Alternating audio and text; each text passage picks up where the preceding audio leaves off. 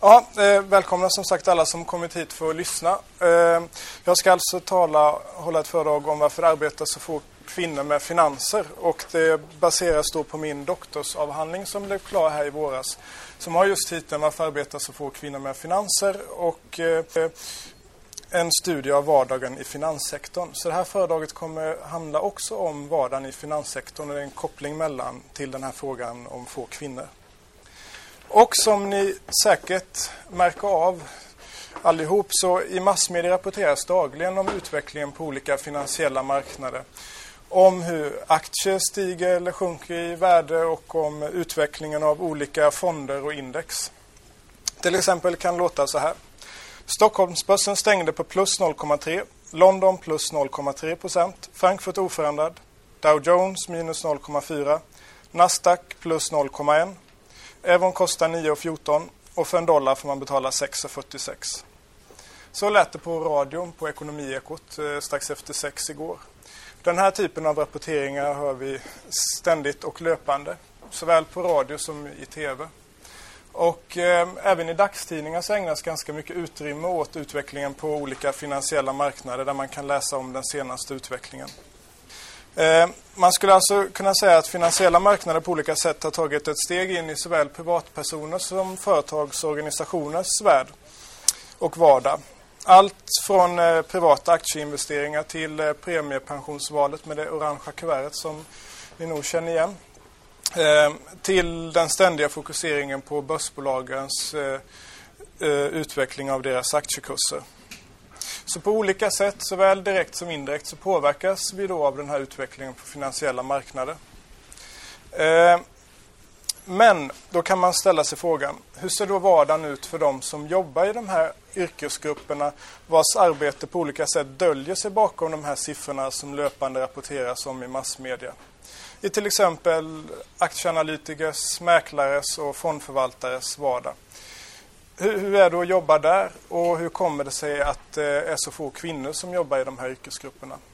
De här två frågorna kommer jag att prata vidare om här framöver i eh, föredraget. För även om det är så att det dagligen och löpande rapporteras om utvecklingen av, eh, på olika finansiella marknader så får vi inte veta alls lika mycket om arbetet i de här olika yrkesgrupperna eller de som arbetar där.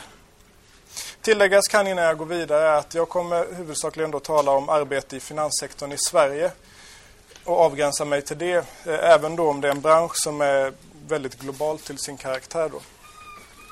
Och nu hoppar vi plötsligt 20 år tillbaka i tiden då följande stod att läsa i en artikel i Dagens Industri, närmare bestämt i en artikel från 1984. Rubriken var Kvinnorna har gjort börsentré trumfkort på hetaste arbetsplatsen. Och i löptexten stod Stockholms fondbörs har blivit Sveriges hetaste arbetsplats och det efter att börsen sovit en Törnrosasömn i nära ett decennium. Här är det lätt att bli rik. Lönerna ligger mellan 150 och 400 000 kronor per år. Kvinnorna har gjort entré i det tidigare mansdominerade mäklaryrket. Idag har sex stycken meriterat sig för börskort. I jakten på kvinnliga mäklare har fondkommissionärerna till och med gått utomlands och värvat i Finland.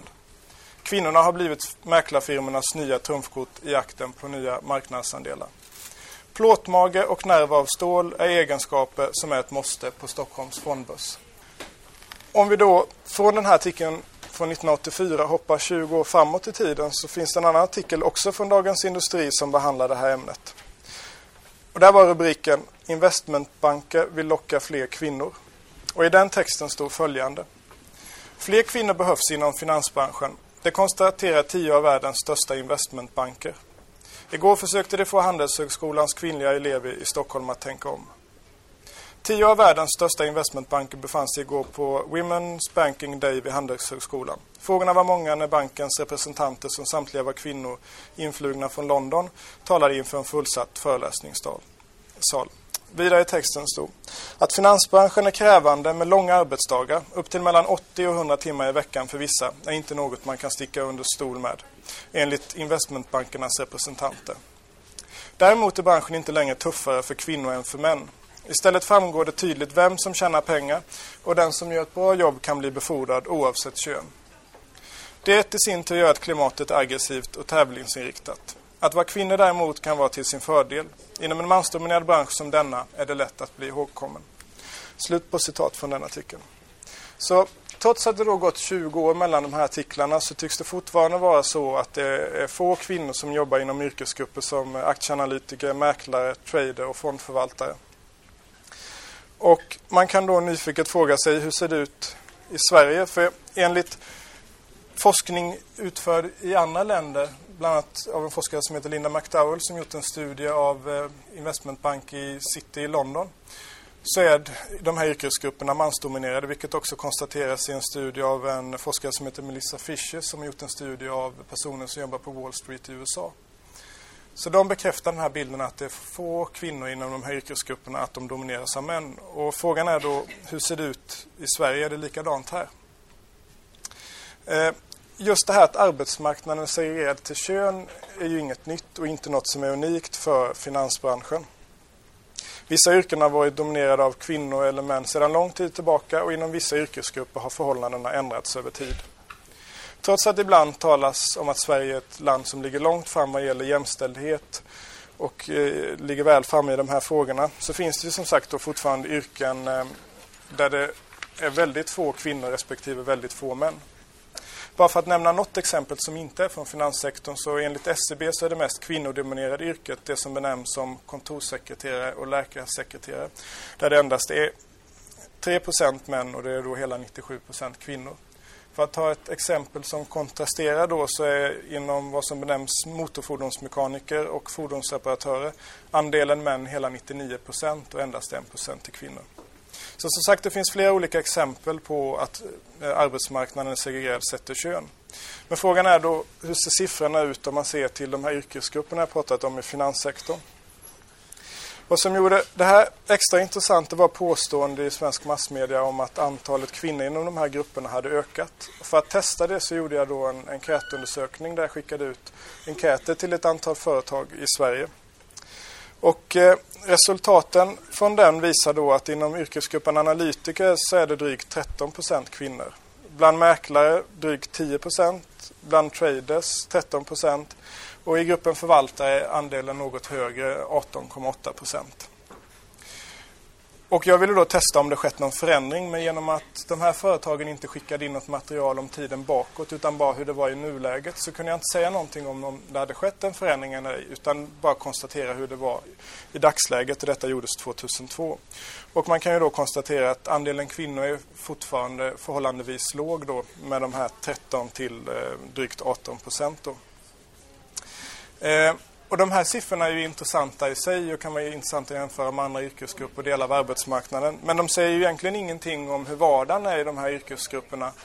Eller hur det kan komma sig att det fortsätter att vara så här att det är så få kvinnor inom delar av finanssektorn. Eh, så man kan undra sig hur kommer det sig att det här återskapas år efter år? Eh, och kopplat till det kan man ställa sig några frågor. Och den ena är, hur kommer människor då in och börja jobba, få sitt första jobb i den här branschen? Det är en sak man kan fundera kring. Och en annan är då just vad gör de i det vardagliga arbetet och hur skiljer det eventuellt sig åt mellan olika yrkesgrupper? Och innan jag går vidare och ger exempel på det som har berättats för mig, hur de har tagits in och vidare i finanssektorn och också hur vardagen ser ut i de här olika yrkesgrupperna. Så vill jag bara förtydliga lite. Och det gäller att de här fortsatta resonemangen och resultaten gäller just yrkesgrupper som analytiker, och mäklare och traders på den så kallade säljsidan, alltså till exempel eh, fondkommissionärer och investmentbanker. Men också analytiker och förvaltare och handlare på den så kallade köpsidan. Det rör inte då personer som jobbar till exempel på det lokala bankkontoret eller andra delar av bankernas verksamhet utan det är just de här analytiker, mäklare, traders och eh, fondförvaltare.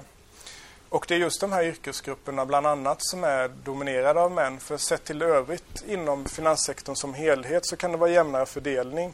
Och också i sett till företagen som helhet. Så det handlar inte om att det inte finns kvinnor där överhuvudtaget fast de gör andra saker och återfinns i andra yrkesgrupper. Då. Eh, och eh, det gör det ju då intressant att gå vidare med och se hur kommer det sig att det här återskapas. Och jag säger bara kort några ord till om det här med sälj och köpsida för jag vet inte hur pass bekant det är för er som sitter här idag då. Och utan att gå in för mycket detalj på det så kan man säga då att de som analytiker och mäklare och traders på säljsidan De tillhandahåller olika tjänster. Analytikerna till exempel tar fram analyser som sen de som sitter på köpsidan kan använda sig av i sina investeringsbeslut. Och genom att de använder sig av det och till exempel genomför en affär genom det här företaget som har gett analysen så betalar de genom att det tas ett visst courtage på deras affärer eh, för den här tjänsten. Så det finns kontakter mellan de här köp och säljsidan. Eh, och eh, det finns till exempel analytiker på båda sidorna som har delvis snarlika men också olika uppgifter. Men det, de här sidorna finns och det kan man bara känna till då utan att jag här har tid att närmare gå in på dem i detalj. Då.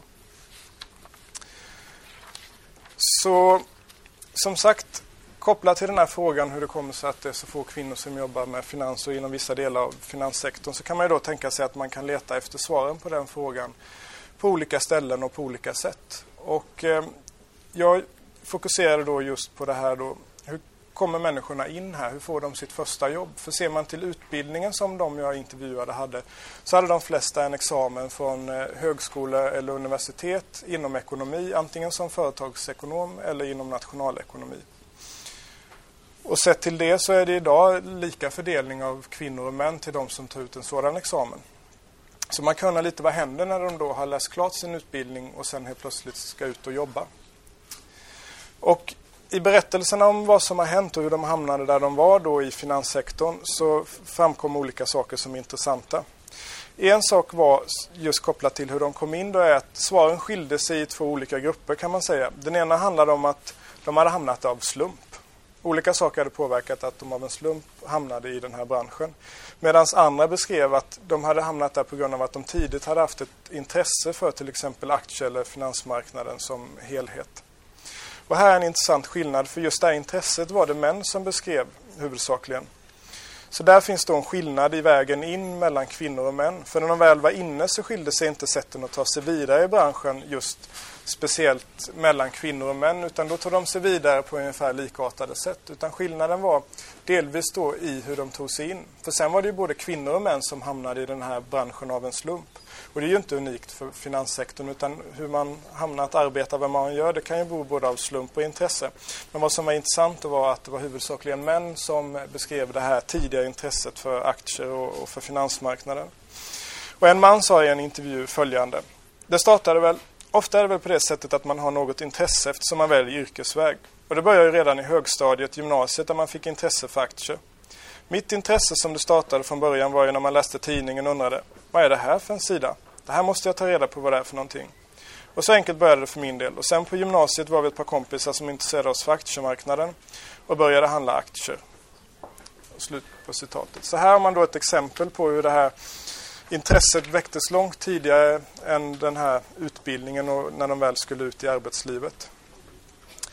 Eh, och det var ett par andra saker som kom upp som intressant som dock inte skiljer sig just mellan kvinnor och män eh, kopplat till det här med berättelserna. Och det är att platsen för finansiella marknader, att de i stor del är ut, koncentrerade till stora städer. En annan är tiden, att det påverkas, Möjligheterna att komma in och ta sig vidare påverkas mycket av hur eh, upp, om det är uppgång eller nedgång i branschen och vad som händer på det planet.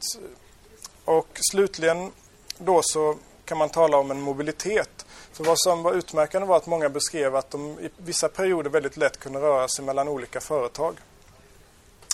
Eh, och att man också kunde röra sig en hel grupp kunde man flytta till en konkurrent vilket inte är så vanligt om man jämför med hur det kan se ut i andra branscher. Eh, så den här tidpunkterna var en som sa följande kring då. Att nej, det var bra du sa det, sa han till mig. Det är kanske är en av de saker som har hänt, att personalomsättningen har gått ner drastiskt bara på grund av att det inte har funnits några alternativ, att gå någon annanstans. 2000 och 2001 var analytiker och mäklare som fotbollsspelare. Det fick miljoner för att gå från en bank till en annan. De dagarna tror jag är förbi. Och detta var då under en nedgång i branschen. Så just den här tidpunkten påverkar då möjligheterna att ta sig in och vidare i branschen. Eh, men för att avrunda den här delen med deras, vad jag kallar arbetslivshistoria, hur de har tagit sig in och vidare i finanssektorn, hur man gör karriär där som man skulle kunna benämna det. Så är det just den här skillnaden i att det var män som beskrev det här tidigare intresset som är intressant kopplat till den här frågan om hur det kommer sig att det är få kvinnor i finanssektorn, eller delar av finanssektorn. I övrigt var beskrivningarna ganska lika för kvinnor och män och sådär. Det var inte just kön som skilde dem åt. Så nu går vi vidare med några exempel från det här vardagliga arbetet och hur det kan eventuellt förklara eller bidra med att svara på frågan om få kvinnor. För att om jag bara kort återgår till de här artiklarna som jag beskrev tidigare från 84 och 2004 så beskrevs det att det krävdes vissa egenskaper och eh, nerver av stål och plåtmage och det kunde vara väldigt långa arbetsdagar med 80-100 timmars eh, arbetsvecka och så. Så att det är en viss beskrivning av yrket som man kan undra, är det verkligen så? Hur, hur kan det påverka då? Eh, först kan sägas någonting om hur det ser ut där vissa av de här sitter, vilket kan skilja sig från många andra yrken. Många av dem sitter då i en öppen arbetsmiljö där man har sina två eller tre datorskärmar framför sig och det som skiljer en från grannen det är just de här skärmarna som sitter med motsvarande uppsättning på andra sidan och man sitter oftast en rad av personer eh, med, med bord bara med avskilda av de här datorskärmarna. Och just det påverkar att man väldigt lätt hör vad som händer på marknaden för man hör vad de andra pratar om och eh, man eh, sitter också och följer väldigt noga utvecklingen på marknaden via de här skärmarna. Eh, och en person beskrev kopplat till miljön det här då. Att vi sitter i en kvadrat så här. Vi sitter med våra skärmar och pratar kors och tvärs. För att vi ska kunna höra varandras samtal med olika motparter och gratis kunna dela med oss av information utan att behöva ta allt igen. Det skulle inte gå att sitta i olika rum. Då frågade jag vad tror du skulle gå förlorat då? Hastigheten i besluten skulle framförallt gå förlorat.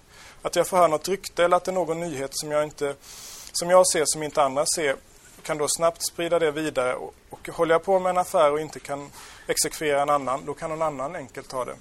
Det skulle aldrig gå om vi satt i en korridor. Vi skulle skrika ner väggarna, skulle jag tro. Så det är lite utmärkande för den här branschen just att man sitter mitt i det här informationsflödet där det ständigt tickar upp nyheter och de kan följa utvecklingen på de här datorskärmarna. Och eh, en person kommenterade just också att det är väldigt sällan man ser någon nyhet när man kommer hem efter en arbetsdag för de har redan suttit och tagit in de här nyheterna löpande via skärmarna och också hört andras kommentarer kring dem för man försöker hela tiden tolka hur kan det här påverka utvecklingen på en viss aktie eller på räntan eller vad man nu handlar med. Så de beskrev just att de lever i ett ständigt nyhetsflöde och att det då gäller att försöka tolka det och se hur man ska handla utifrån det här nyhetsflödet. Då skiljer det sig lite också åt mellan de här olika yrkesgrupperna i vilken utsträckning man måste faktiskt sitta från marknaden öppna till den stänger vid skärmarna och vid telefonen. För vissa handlare och mäklare behöver verkligen sitta där från marknaden öppna till den stänger. Medan andra, till exempel analytiker är ute på lite andra aktiviteter också inte sitter lika bundna vid eh, skärmen och vid telefonen. På så sätt skiljer det sig också åt en del hur arbetsdagarna ser ut när de börjar beroende på vilka marknader man följer. Dels om man jobbar mot aktiemarknaden eller räntemarknaden som helt enkelt har olika öppettid i Sverige. Men också hur mycket de här marknaderna påverkas av om de styrs mycket från vad som händer i USA. Då får vissa följa efter att marknaden har stängt i Sverige eller uppdatera sig på vad som händer i USA eller kanske vad som händer i Asien på marknaderna där. Så det skiljer sig åt i beskrivningar mellan personerna hur mycket de följde marknadens utveckling efter att de faktiskt har lämnat företagets lokaler. Vissa var inne och tittade på nätet, det följde via nyheterna utvecklingen. Andra försökte släppa det och uppdaterade sig när de kom tillbaka till arbetet dagen efter. Så för att dra en slutsats kring den här vardagen och hur den ser ut utifrån de här korta exemplen så kan man säga att det är en marknadsstyrd vardag med för vissa personer väldigt höga krav på att man är närvarande. Många av dem sitter också kvar över lunchen vid skärmen för att även om det oftast är väldigt lugnt under lunchtimmarna och vissa säger skulle kunna lämna egentligen så plötsligt kan det hända något och det gäller att vara på plats om man ska kunna svara på någon kunds fråga eller om man snabbt ska kunna göra en affär. Så därför sitter de flesta som jag träffade då från det de kommer på morgonen tills marknaden stänger på kvällen då. Vilket gör det något speciellt jämfört med hur arbetet är i många andra yrken och branscher då. Eh, så det är väldigt viktigt att vara på plats då. Sen kan det då skilja sig åt hur långa dagarna är beroende på vilken marknad man arbetar med men också personligen hur man väljer att följa det här efter att, att man har lämnat eh, arbetslokalerna eller om man väljer att titta när man kommer tillbaka dagen efter. Då. Så för att komma till några slutsatser då utifrån de här korta exemplen från hur de har tagits in och vidare i finanssektorn men också från vardagen så kan man säga att det präglas till stor del av den här mobiliteten. Och med det menar jag då den här rörelsen som periodvis kan vara av personer som snabbt flyttar sig mellan olika arbetsgivare. Och de beskrev ibland att ja, det spelar ingen roll vilken skylt man sitter under, bara den som beskrev. Alltså det spelar inte så stor roll vilket företag man jobbar för. Utan de har mycket kontakter med personer i samma yrke eller med andra som jobbar med samma aktier. Och det kan vara viktigare än just för vilket enskilt företag man arbetar för. Vilket visar sig också genom att ett team eller en grupp då lätt kan flytta från ett företag till en annan. Eh, vidare personliga nätverk viktiga både när man byter arbete men också i vardagen för att tolka informationen och ha någon att stämma av med. Eh, och vad som blir lite dubbeltydigt är då att det här arbetet skulle kunna beskrivas både som ett extremt jobb sett till de här kraven på närvaro och den stora intensiteten stundtals och stressmoment och att det är väldigt långa dagar. Samtidigt så är det på ett sätt som vilket arbete som helst. Det är ganska många av som sitter idag och tillbringar sina arbetsdagar framför en datorskärm med något slags kontorsarbete. Så att inom vissa yrkesgrupper är inte dagarna längre än för ett vanligt kontorsarbete och på så sätt så är det inte mer extremt än något annat. Så det finns en dubbeltydighet att på ett sätt är det väldigt extremt i vissa perioder och i vissa yrkesgrupper. I andra yrkesgrupper som förvaltare så kan det finnas en större flexibilitet att man inte bland analytiker att man inte måste sitta vid skärm och telefon hela tiden eller att dagarna behöver vara så extremt långa. Och eh, därför skulle det då kunna beskrivas som ett mer vanligt arbete. Eh, sen som sagt så kanske många andra lämnar datorskärmen på lunchen.